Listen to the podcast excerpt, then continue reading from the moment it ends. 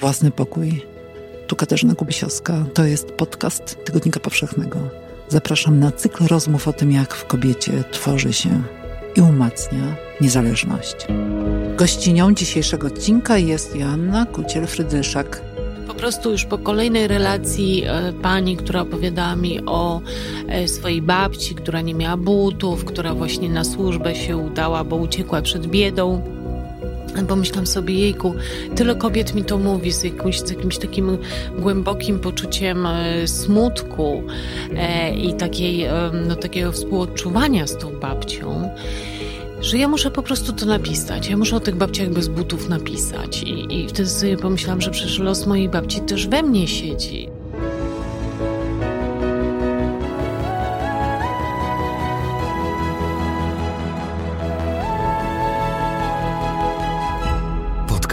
Tygodnika Powszechnego. Weź, słuchaj. Dzień dobry. Dzień dobry.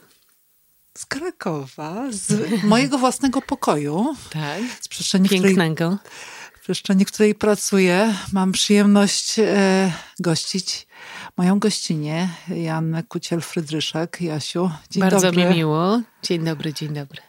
Jak twój własny pokój wygląda? Przestrzeń, w której pracujesz? Nieduży, mhm. nieduży, z bardzo miłym widokiem, mm, wieloma książkami, z taką bieliźniarką pełną książek o wsi polskiej, e, o chłopach. E, właściwie ona się zapełniła bardzo szybko. E, z regałami. Rzeczywiście to jest tylko mój pokój i to jest pokój do pracy. Właściwie wyłącznie. Mhm. Wyłącznie. Mhm. Jak pracujesz codziennie? E, jak pisz, jeżeli, jeżeli, piszesz książkę, tak, to tak. wstajesz rano, zabierasz się do roboty, czy musisz mieć jakiś taki rozpęd i dopiero około, nie wiem, południa się bierzesz? O, za... nic z tych mhm. rzeczy. Ja siadam o dziewiątej, ja siadam, ja idę jak do biura. Ja właściwie śmieję się, że, że jak do huty, co nie jest prawdą, bo przecież e, w tego typu instytucjach e, zaczyna się bardzo wcześnie. Natomiast rzeczywiście potrzebuję dyscypliny, którą muszę sobie narzucać albowiem nie mam szefa, który mnie pogoni do roboty. No masz wewnętrznego szefa. Muszę mieć, mhm. tak. E, I e, mm, właśnie dlatego, że jestem jednak dosyć nieuporządkowana z natury, to potrzebuję się tak wziąć za, za grzbiet i posadzić o, o dziewiątej i może już teraz to się stało częścią mojej natury, ta właśnie dyscyplina, bo tak jest od lat że staram się o dziewiątej siedzieć, yy, także potrafię przerwać rozmowę z moim mężem w półsłowa, bo właśnie wybiła dziewiąta. Mhm. Idę do swojego pokoju, tam siadam i do obiadu pracuję. On to rozumie, jak przerywasz?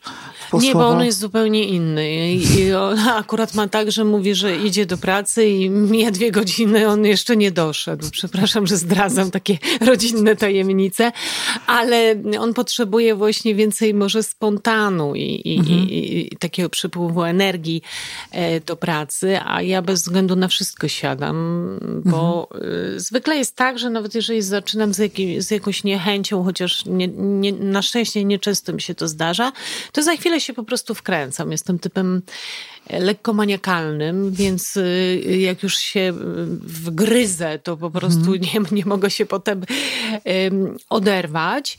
I zwykle jak jestem głodna, to już um, wychodzę z tego pokoju mm. coś mhm. zjeść, a potem spaceruję półtorej godziny, to też jest jakiś taki mój rytm codzienny, potrzebuję pójść do lasu i myślę, e, uważam to za część pracy, ten, ten, ten spacer taki e, codzienny. Tam się trochę też układa w tak, głowie. Tak, dokładnie, to się mm. trawi i tam się e, dokonują rozmaite eureki. Nie zawsze, niestety. Nie od razu. Nie od razu, ale, ale jakaś, jakaś praca, jakieś, jakieś procesowanie się odbywa. Bardzo mi teraz tego brakuje, bo, bo, bo, bo wypadłam z tego rytmu po chłopkach, ale ale chłopki pisałam właśnie w ten sposób. Akurat w trakcie przeprowadziłam się na wieś zupełnie nie, niesamowita koincydencja, mhm. że pisząc książkę o, o, o wsi, y, o kobietach wiejskich, nagle zamieszkałam na wsi, której nie znałam. Wieś pod Wrocławiem. Z miasta, tak, mhm. z Wrocławia. Y, taka wieś podmiejska, ale nie sypialnia, tylko, tylko rzeczywiście wieś z lasem, z łąkami. Y, mamy koguta, mamy krowę, oraz kozę. Nie jest tego zbyt wiele, ale, ale powiedzmy jakieś takie cechy wiejskie mm, to miejsce zachowało. Jest bardzo mm, przyjazne i co ważniejsze, poczułam, że każdy rok poza wsią, czyli spędzony w mieście, to rok stracony. To znaczy, tak świetnie się poczułam e, w, i odkryłam, że to jest coś dla mnie. Mm, ale co? Co? Że, że, że inny cisza? rytm, wiesz, inny Aha. rytm, takie mniejsze. Przede wszystkim ja w tej chwili się czuję bardzo przytłoczona w, w mieście, więc, więc tam jest jakiś rodzaj takiego przewiewu. Mhm i tej przestrzeni, powietrza, spokoju, no wszystko to, czego nam brakuje w, mieście, ja to odnalazłam. A już jestem w tym wieku, że jakieś y, rozrywki y, czy, czy życie towarzyskie intensywne, to nie jest to, czego najbardziej potrzebuję w tej mhm. chwili. Chłopki, jak długo pracowałaś nad nimi? Wiesz co, trudno powiedzieć, tak trudno mi to właśnie policzyć. Mm, zliczyć te miesiące. Bo w sumie zaczęły się, jakby ta książka wyniknęła z poprzedniej tak, książki, ze służący. wszystkiego. I wiesz mhm. co, to w ogóle się stało w Krakowie. Po o. prostu już po kolejnej relacji e, pani, która opowiadała mi o e, swojej babci, która nie miała butów, która właśnie na służbę się udała, bo uciekła przed biedą Pomyślam sobie, jejku, tyle kobiet mi to mówi z, jakimś, z jakimś takim głębokim poczuciem e, smutku e, i takiej, no, takiego współodczuwania z tą babcią. Mm. Że ja muszę po prostu to napisać. Ja muszę o tych babciach bez butów napisać. I, i wtedy sobie pomyślałam, że przecież los mojej babci też we mnie siedzi. Mm. I, ja go też przeżywam, chociaż mojej babci już długo ze mną nie ma. I że dobrze by było o tych, o tych właśnie zmęczonych naszych babciach, prababciach, a dla niektórych matkach, bo podtytuł mojej książki to opowieści o naszych babkach, ale dla niektórych to są przecież mamy. Że dobrze by było e, dać im głos, e, opowiedzieć, na czym polegało ich życie, ale za, za, zaczęłam tę pracę właściwie krótko przed pandemią. E, najpierw bardzo długo czytałam źródła, potem właśnie zaczęła się pandemia, więc miałam utrudnioną kwerendę, spotkania ze starszymi ludźmi no były, były wówczas trudne, jak również zamknięte archiwa, więc to naprawdę trwało trochę. Mm, I, no ale mówimy o latach, mówimy o mhm. latach. Ja znacznie dłużej nad tym pracowałam niż nad służącymi też, dlatego że ten materiał był taki e, ciężki mm, emocjonalnie dla mnie do przyjęcia. Mm, ale też dość obszerny, bo wbrew pozorom tych źródeł było dużo. E, co nie znaczy, że hmm, one spełniały takie kryterium, wiesz, no po prostu atrakcyjności, mm -hmm. w mhm. takim sensie, że, że trzeba było z tego zrobić syntezę opowieść, mm -hmm. bo mhm. moja książka nie jest dokumentem, e, nie jest pracą naukową. Ja chciałam, żeby to Na było... szczęście. Mhm. Dziękuję. Też y, po prostu udało się czytać, co najmniej, e, żeby jakiś rodzaj satysfakcji, no bo pewnie nieprzyjemności, biorąc pod uwagę temat mm, i, i, i te losy tych moich bohaterek. Więc chciałam z tego skroić e, opowieść. To nie było łatwe. Jak mówisz, wiesz, o, o te materiały, które trzeba było e, zamknąć jakąś mm. całość, on był rozproszony, przecież to, to, to jest ten problem. Tak, Popatrz, syntezy. Mm. Właśnie, ale też, że e, te historie tych kobiet, zazwyczaj to, to jest historia Katarzyny, mm. Janny, kobiet bez tak. nazwisk. Zobacz, e, tutaj przygotowałam na nasze spotkanie mm -hmm. książkę Szczeliny istnienia Janny Brachczajny, zapewne ci znano. Tak, tak. Książkę i Janna Brachczajna podpisywała się przecież e, imionami. Tak. E, Jolanta, córka Ludwiki, już nie pamiętam jak to, bo to akurat chyba w umysłów użyła tego, tego triku. I E, I tutaj, a ty chcesz też twoje niektóre bohaterki, dla ciebie to jest istotne, mają nazwiska, to już nie są kobiety bezimienne. To o to są... mi chodziło właśnie, mm -hmm. tak, żeby przywrócić im twarze, wiesz, żebyśmy mogli je zobaczyć, dlatego bardzo byłam e, zawsze szczęśliwa, kiedy mogłam fotografię też zamieścić. E, wielokrotnie bywa tak, że, że nie, mamy, nie mamy nazwiska na przykład, bo rodzina nie chciała, ale godziła się na fotografię, to było ciekawe. Jest też na przykład taka Stasia z Bierzenia w wspaniała postać, która uzbierała sobie na posag. Nie wiem, czy mhm. pamiętasz. Tak, tak. I e, tutaj rodzina nie chciała ujawnić nazwiska, na, e, dlatego że no, zdradza takie dosyć intymne mm, sprawy z życia, e, z życia rodziny, ale godziła się na zdjęcie, prawda? I mamy twarz tej bohaterki i całą, i całą opowieść o tym, jak została wydana za mąż wbrew swojej woli. Na tym bardzo zależało i przy służących i, i chłopkach, żeby nadać im imiona, właśnie nazwiska, na ile to możliwe i pokazać ich, ich twarze, a przede wszystkim, żeby wybrzmiał ich głos, żeby mogły powiedzieć o sobie. No, powiedziałaś wcześniej o tym ładunku emocjonalnym, bardzo trudnym do uniesienia dla, dla ciebie, która zbiera historię życia tak wielu kobiet, które mają tak dużo wspólnych mianowników i między innymi to, o czym przed sekundką powiedziałaś, czyli to, że to były aranżowane małżeństwa. Małżeństwa. Często tak, chociaż nie zawsze, ale mhm. często tak. Mhm. Zamorgi tak, e, za... niczym Jagna, -hmm. za Borynę, to -hmm. znamy z literatury. No właśnie to jest trochę inaczej, my to znamy z literatury, ale jeżeli to dotyczy naszych babek, naszych rodzin, to to już jest co innego, prawda? Bo, bo, bo, bo nie myśleliśmy. Dziękujemy patronom i patronkom podcastu Tygodnika Powszechnego. Wiesz, wyobraź sobie, że przychodzą ludzie na, na spotkanie i, mów, i mówią, że, że, że ta, ta książka właśnie pozwala im pytać mhm. y, swoje rodziny o przeszłość i, i pytają, a, a właściwie to, to nasza babcia to z miłości wyszła, czy nie z miłości? Ostatnio pani taka opowiada. No i niestety nie, została wydana. I, i on, ona dopiero ustaliła to po książce, to jest mhm. zawsze trochę wstrząs.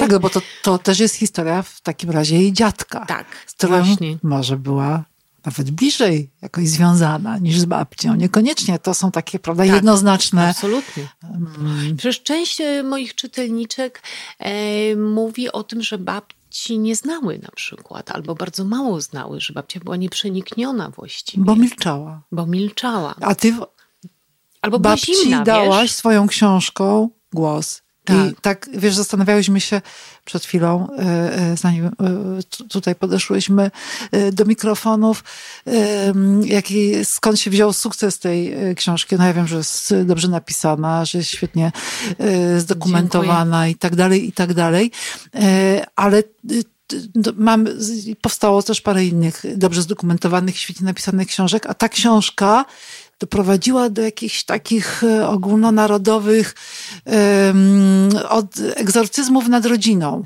nad e, korzeniami, nad tym skąd jesteśmy. No, a jesteśmy z chłopstwa e, w większości tak, szacuje się, że 90% społeczeństwa polskiego ma chłopskie pochodzenie. Przed wojną, czyli w okresie, który ja opisuję, 70% mieszkało e, ludzi na wsi, ponad 60% to właśnie chłopi, robotnicy rolni.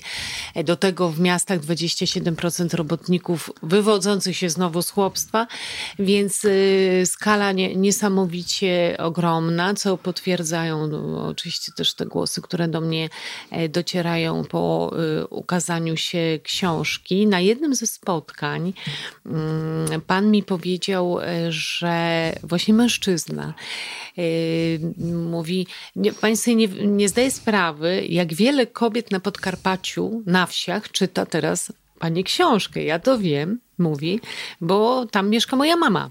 Mhm. E, I ona mi to opowiadała. I proszę sobie wyobrazić, że dla części z tych kobiet to jest pierwsza książka, którą przeczytały. Mhm. Ja myślę, że może on trochę przesadził, że to jest pierwsza książka, ale prawdopodobnie miał na myśli kobiety, które nie mają nawyku czytania, mhm. prawda? A po tę książkę sięgnęły, no bo to jest po prostu książka o nich w jakimś sensie, o ich matkach, o ich babkach. I ja jestem z tego powodu niebywale szczęśliwa. Mhm bo nie sądziłam, że, to, że, że można mieć taki zasięg z książką i że ona trafi tak szeroko, chociaż prawdę powiedziawszy, pisząc ją, bardzo mi na tym zależało, żeby to była taka zwyczajna książka, żeby trochę to było czytadło, no, no w takim sensie, żeby, żeby można było mm, to czytać no, dla właśnie, ludzi, nie hermetycznym tak, językiem. Jakby odnajdując te, e, wiesz, te, te, te opowieści rodzinne. Na tym mi zależało, żeby właśnie te echa tego, co się słyszało w domach, choćby strzępki takich e, opowieści rodzinnych, żeby, żeby to wybrzmiewało. Mm, opowiedz o swojej babci. A, moja babcia Stasia to była babcia ludowa, e, jednakowoż ona już sama urodziła się na rogatkach Chrubieszowa y, jej rodzina pochodziła z, ze wsi lubelskiej, ale ojciec był już wyrobnikiem w młynie, więc oni wiedli taki żywot na tych rogatkach chłoporobotników. Ale mieli tam kury, mm, być prawdopodobnie też świnie, tego już nie wiem, ale myślę, że tak, dlatego że babcia, kiedy po wojnie mm, z, z moim kilkuletnim ojcem się y, przeprowadzili do Wałbrzycha, Właściwie mieszka prawie w centrum. Wałbrzych Miasto nazywała się najbliższa stacja, ale w takim miejscu, w takim zaułku, że pozwala, pozwalało to babci hodować świnie w latach 50., 60., czyli wciąż ten nawyk, prawda, posiadania inwentarza. Mhm. I, I ja pamiętam jeszcze króliki u babci. Moi bra bracia pamiętają świnie. E, była to babcia ciepła, e, ale też babcia oczywiście niewiele mówiąca o sobie. Babcia, na, e, babcia skoncentrowana na nas, na rodzinie, na, na dogadzaniu wnukom i wszystkim. I zapominaniu o sobie? Absolutnie. Babcia bardzo zmęczona, babcia zaniedbana pod wieloma względami, chociaż moja mama, jej synowa, bardzo o nią dbała i to moja mama dbała o to, żeby babcia miała lekarza, żeby się leczyła. Babcia przyjeżdżała do nas, do Wrocławia z Wałbrzycha i każdemu przywoziła jego ulubione ciasto w formach. Jeszcze miała takie po prostu w foremkach. Hmm. Dla, dla, mnie to zawsze był murzynek czekoladowy. No i babcia nauczyła mnie modlitwy do anioła stróża. I odkryła dla mnie anioła stróża, więc powiedziałabym, że, e, że miała na mnie bardzo duży wpływ w ogóle e, w dzieciństwie i szczególną więź miałyśmy, a jednak, a jednak, kiedy próbowałam napisać, co wiem o babci, okazało się, że wiem za żałośnie mało. Szcząteczki, tak, prawda? Z tak, trudno uszyć tak, właśnie, tak, tak, ten gobelin tam stworzyć, wy, mm. wydziergać. Y, wiesz, pojawia się to słowo ciepło. Babcia była ciepła. Wcześniej mówiłaś o, że często te kobiety były zimne. Zimne, bo? Bo, bo? Wiesz, y, bo, bo być może spracowane, bo, bo być może nie umiejące na, na, nawiązywać y, cieplejszych e, więzi mamy do czynienia nie tylko z warunkami oczywiście ekonomicznymi, społecznymi, ale także z charakterami poszczególnych osób, więc to są takie mieszanki wypadkowe różnych uwarunkowań. Ale myślę sobie, że ten chłopski e, chów, mm, moja babcia była e, wyedukowana, nie wiem jakie to miało znaczenie, ale jednak jakoś tam osadzona w kulturze. Myślę sobie, też nie miała czwórkę dzieci, a nie na przykład jedenaścioro, bo to też jest e, różnica. E, I aż tak jak kobiety wiejskie nie była scharowaną babcią. E, natomiast ja piszę o kobietach takich jak ta na mojej okładce. Mhm. O kobietach. Kobieta bardzo... na twojej okładce niesie wiadra z wodą prawdopodobnie. Tak, i myślę sobie, że nie jest to stara kobieta, mhm. a wygląda na staruszkę. I tak właśnie. Być jej... może ma ile? 40 lat? Przez 40 Tak jest? sądzę, tak mhm. sądzę, jeżeli się jej przyjrzymy. Notabene widziałam, że biblioteka w Lipnicy, bo jest to kobieta, która pochodziła z Małopolski, tyle wiemy, z Lipnicy Murowanej i wiem, że biblioteka szuka mm, potomków tej kobiety, żeby ustalić, kto to był i być może dowiemy się, jak naprawdę wyglądało jej życie już I tak jak w detalach. Nazywała. To by było coś. Wspaniałego dla mnie. W każdym razie, wiesz, kobiety zmęczone, kobiety zacharowane, na to zwracali uwagę i lekarze, i społecznicy, że wiejska kobieta właśnie wyglądała na staruszkę, będąc jeszcze młodą kobietą, że nie miała dostępu do mm, lekarzy, do medycyny, e, że była przepracowana w domu, ponieważ mężczyźni nie dzielili obowiązków mm, domowych. E, to wszystko plus wielokrotne porody z czym mm, już w latach 30. kobiety sobie radziły jak mogły, czyli po prostu nielegalnie y, y, dokonując aborcji.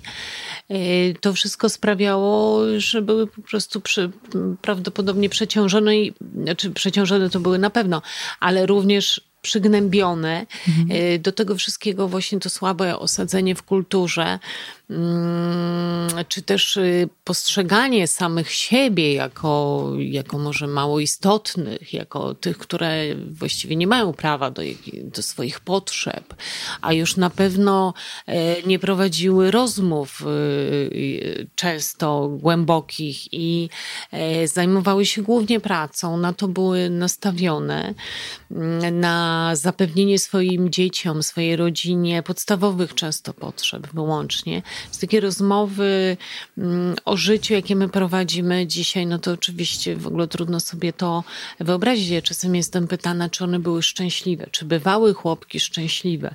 No to są znowu takie współczesne kategorie, których mhm. ja nie przykładam do ówczesnych kobiet. One mogą nawet nie wiedzieć, że są nieszczęśliwe. Nie miały takiego w, w, w, ich e, pojmowaniu siebie, swojego e, człowieczeństwa kategoria nieszczęścia. E, to był po prostu ich los, z którym trzeba było żyć. Więc chłopki zaczyna wiersz tak inicjuje, wprowadza nas w temat. Wiersz chłopka, tak. Tak, Anny Świerczyńskiej. I z tego samego tomiku, co ten, co chłopka, Jestem baba. Mhm. Znakomity e, tomik z początku lat 70. Jest też taki wiersz życiorys wiejskiej baby. Ja go mhm. przeczytam. Dysząc, dźwiga na brzuchu cebry. Dysząc, dźwiga na plecach wory. Dysząc, ciągnie ze studni wiadra. Dysząc, rodzi owoce męskiej żądzy. Dysząc, umiera. Mhm. Tak, tak. Oba te wiersze są właśnie. Właściwie moja książka jest rozwinięciem tych mhm. wierszy, ja bym powiedziała, bo tam ten, każdy z tych motywów się e, pojawia właściwie jako rozdział, prawda? A z kolei każdy rozdział może nadawałby się na książkę, mhm. bo okazuje się, że to są tak wielkie tematy. I tych relacji wbrew pozorom właśnie jest więcej niż, niż się może e, spodziewałam. A teraz, jak się Państwo domyślają, po ukazaniu się książki, ona wciąż pracuje, więc dochodzą nowe relacje.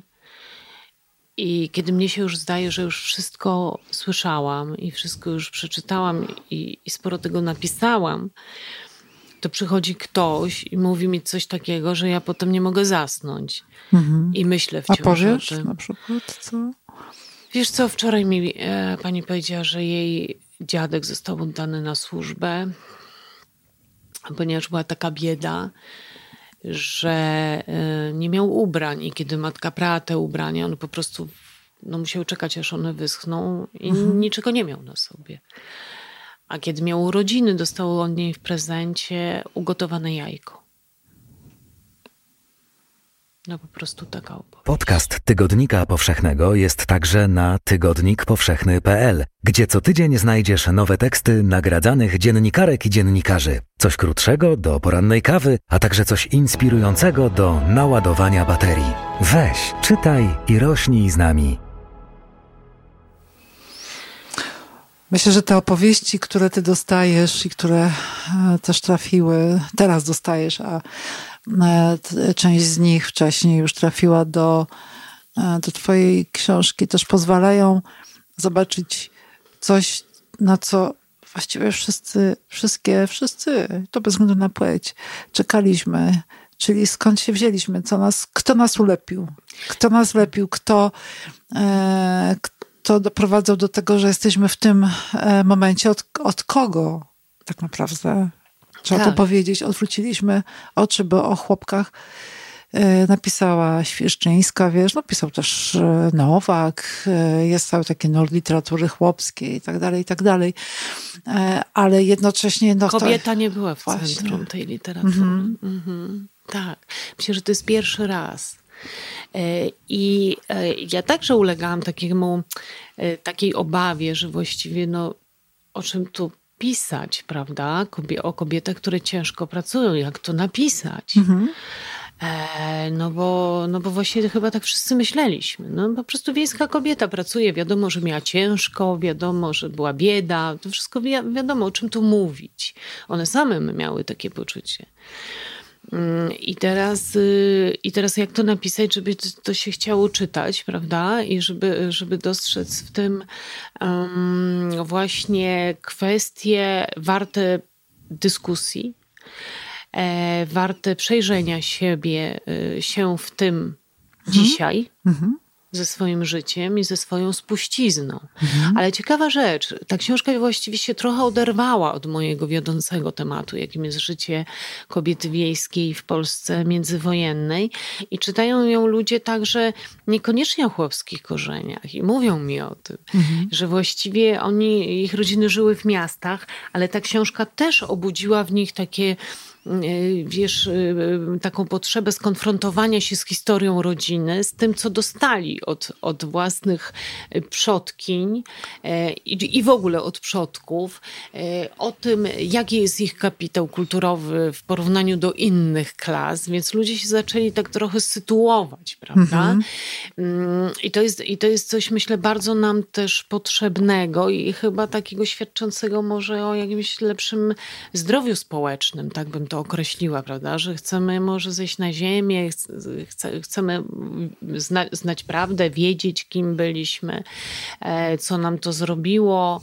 Mm, to się też y, no, trochę jakby wiąże z tym, jak myślimy o podziałach w Polsce, prawda? Mhm. E, o roli, e, o roli kościoła. No tych tematów to jest bardzo, bardzo wiele. A w końcu no, to jest też taki czas dla kobiet, wydaje się, nowy, e, gdzie kobiety trochę no, uciekają przed tymi starymi porządkami, prawda? Mhm. E, przed tymi paradygmatami, w których, w których chowane były, wychowywane były ich, ich babki, czy jeszcze matki. Mhm. Więc to wszystko pozwala, pozwala na taką dyskusję. I ona się toczy naprawdę na, na, na bardzo wielu poziomach, dlatego że dla starszych osób to jest taki, wiesz, y, to jest, to jest właśnie głos, który one znają, one, oni i mówią, no ja w tym wyrastałam, ja w tym wyrastałem i to nie jest dla mnie jakieś bardzo odkrywcze, bo u, u, mnie w domu się o tym mówiło, ale bardzo dziękuję, że to wybrzmiało publicznie i że możemy się, że, że widzimy te losy już nie jako nasze indywidualne losy, tylko wspólnotę w tym, prawda? I to jest takie świetne, że to może być wspólnotowe. Mm, ale to starsze pokolenie. Dla młodych ludzi, dla wielu młodych ludzi to jest zupełne, zupełne zaskoczenie. Te, te warunki życia, kryzys lat 30. Tak mało się mówi o tym w szkole. Mhm. To potem wszystko, wiesz, komuna przykryła. Mhm. I właściwie, jeżeli się mówi o biedzie naszych rodzin, to że tam, że nie było mięsa, że mięso na kartki, że jedzenie na kartki, że kolejki. A ten mhm. kryzys lat 30. To jest taki wątek w Twojej książce, który mnie szalenie na, na rozmaite e, poziomach e, poruszył, czyli żywienie, odżywianie, żywienie tak. rodzin. No, twoja babcia, która przywoziła dla wnukom, tak, wnucząt tak. Ciasta, to dla każdego prezenty. ulubione. Moja babcia, która zawsze czekała na mnie po prostu i cały czas mnie tam faszerowała rozmaitymi pierogami i innymi dobrodziejstwami, dla której bardzo ważne było, żeby dziecko było dobrze, dobrze odżywione. To też są I żeby takie... mu było ciepło. Ciepło, właśnie. Mhm. Tak, no i że tak. miało buty. Wszyscy chyba byliśmy przegrzani. My, my wnuki, prawda? Byliśmy nadwagę, byliśmy przegrzani. Absolutnie. Ale to jest sądzę i też tutaj dajesz taki trop w swojej książce pokłosie, pokłosie um, wielkiego kryzysu z, tak. właśnie za 30., ale jest taki jeden trop, który mnie bardzo, bardzo Mm, zafrapował i tutaj Kasia Surek-Domiańska jakoś go wrzuciła, mm, że to jedzenie, e, które, e, którym było w domach wiejskich, ono miało, tak interpretuje Kasia Domańska, e, zatykać dosłownie usta, żeby nie mówić o, o tym, co było trudne w tym domu. W tych domach wiejskich zdarzały się trudne sytuacje. Absolutnie. Więc to milczenie, milczenie, które, e, które panowało e, w wiejskim domu, które między innymi ty przerwałaś, bo to też jest właśnie siła tej książki. Zostało przerwane milczenie. Co się działo w wiejskich domach? Działo się i dobrze, i działo się i źle. Piszesz i o tych dobrych stronach, i o tych złych stronach, ale właśnie jedzenie które mm. ma e, no, nakarmić, dać, e, doprowadzić do tego, że człowiek jest zdrowy, że może funkcjonować, że jest zadowolony, też miało taką formę, no powiedzmy przemocową. Mogło tak być, mogło mhm. tak być. Kasia mówi o tym, że szarlotka, o której ja piszę, e, bo ja tak trochę mm, taką romantyczną wizję stworzyłam, że, że jeśli wiemy o co chodzi, jeśli wiemy, że, że tak wyraża się miłość naszej matki, prababci i babci, właśnie jedzeniem, właśnie szarlotką, to wiemy, że, że, że wszystkie te kody, umiemy rozszyfrować te kody, prawda? Że wiemy, że, że ta szarlotka równa się miłość. A Kasia mówi, nie, to nie jest takie proste. Co, mhm. a co wtedy, kiedy dzieje się na przykład przemoc i, i matka daje nam szarlotkę zamiast chronić dziecko. Ja troszeczkę to skontrowałam, to znaczy. Mm, e, zwykle zwróć uwagę jest tak, że mówimy, no właśnie, a, a co robi matka? Gdzie jest matka? Tak? Mhm. Znaczy, koniec końców zawsze jest wina matki.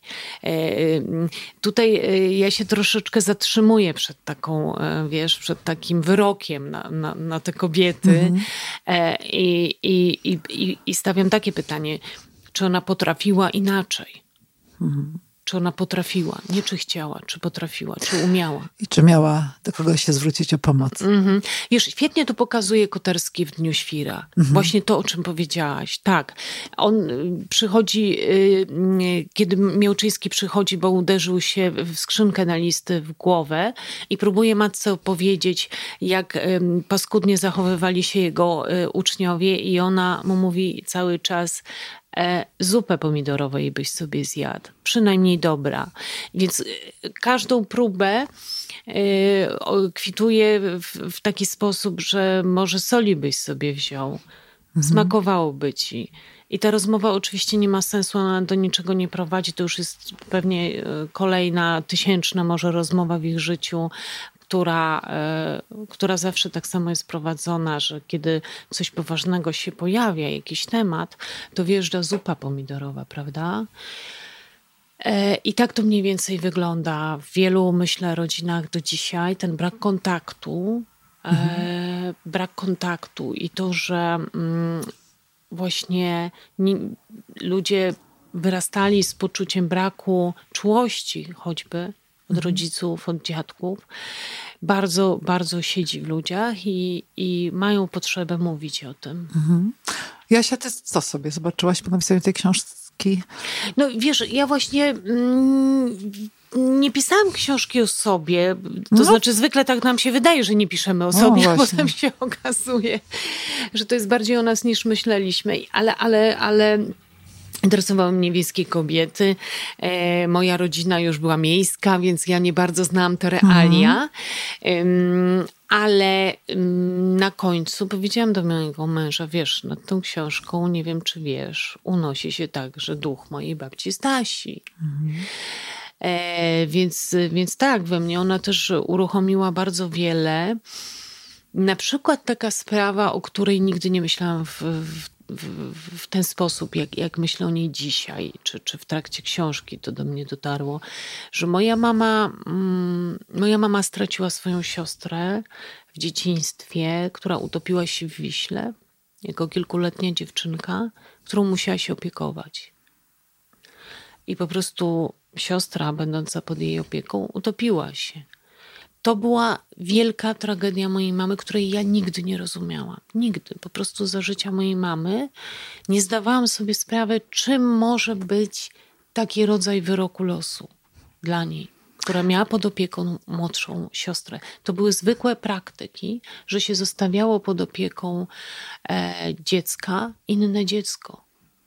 I to się wiązało z ogromnym ryzykiem. Moja mama została z tym na całe życie. Myślę, że to miało niebywały wpływ na nią i tym samym na całą naszą rodzinę. Więc takie rzeczy, takie rzeczy też się we mnie uruchomiły. Hmm. Jasia, twoja książka Chłopki została nominowana do nagrody Grand Press. E, za najlepszą reporterską książkę roku, a ty zdecydowałaś się wycofać e, tę książkę. Powiedz dlaczego, proszę. Nasza redakcyjna koleżanka Ania Goc, e, która napisała książkę pod tytułem Głusza, też zdecydowała się wycofać tę, tę, tę świetną książkę? Mm, y, ta nagroda firmowana jest y, przez miesięcznik Press, prowadzony przez y, redaktora naczelnego, wobec którego sformułowano całą bardzo długą listę zarzutów związaną z mobbingiem. E, znałam ten tekst e, i e, wiedziałam, że jest bardzo dobrze udokumentowany. Dawałam mu po prostu wiarę i uważałam, że tutaj no, jakby wobec takich oskarżeń należałoby tę sprawę co najmniej wyjaśnić. I środowisko dziennikarskie powinno tego oczekiwać. To się nie stało.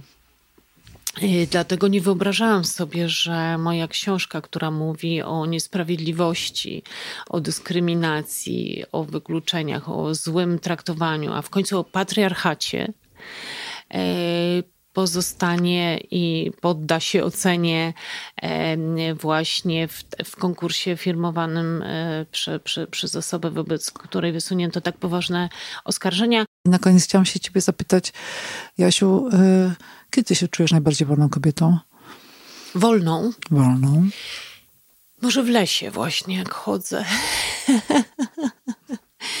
Ale wiesz, ja w ogóle się czuję dosyć wolną kobietą.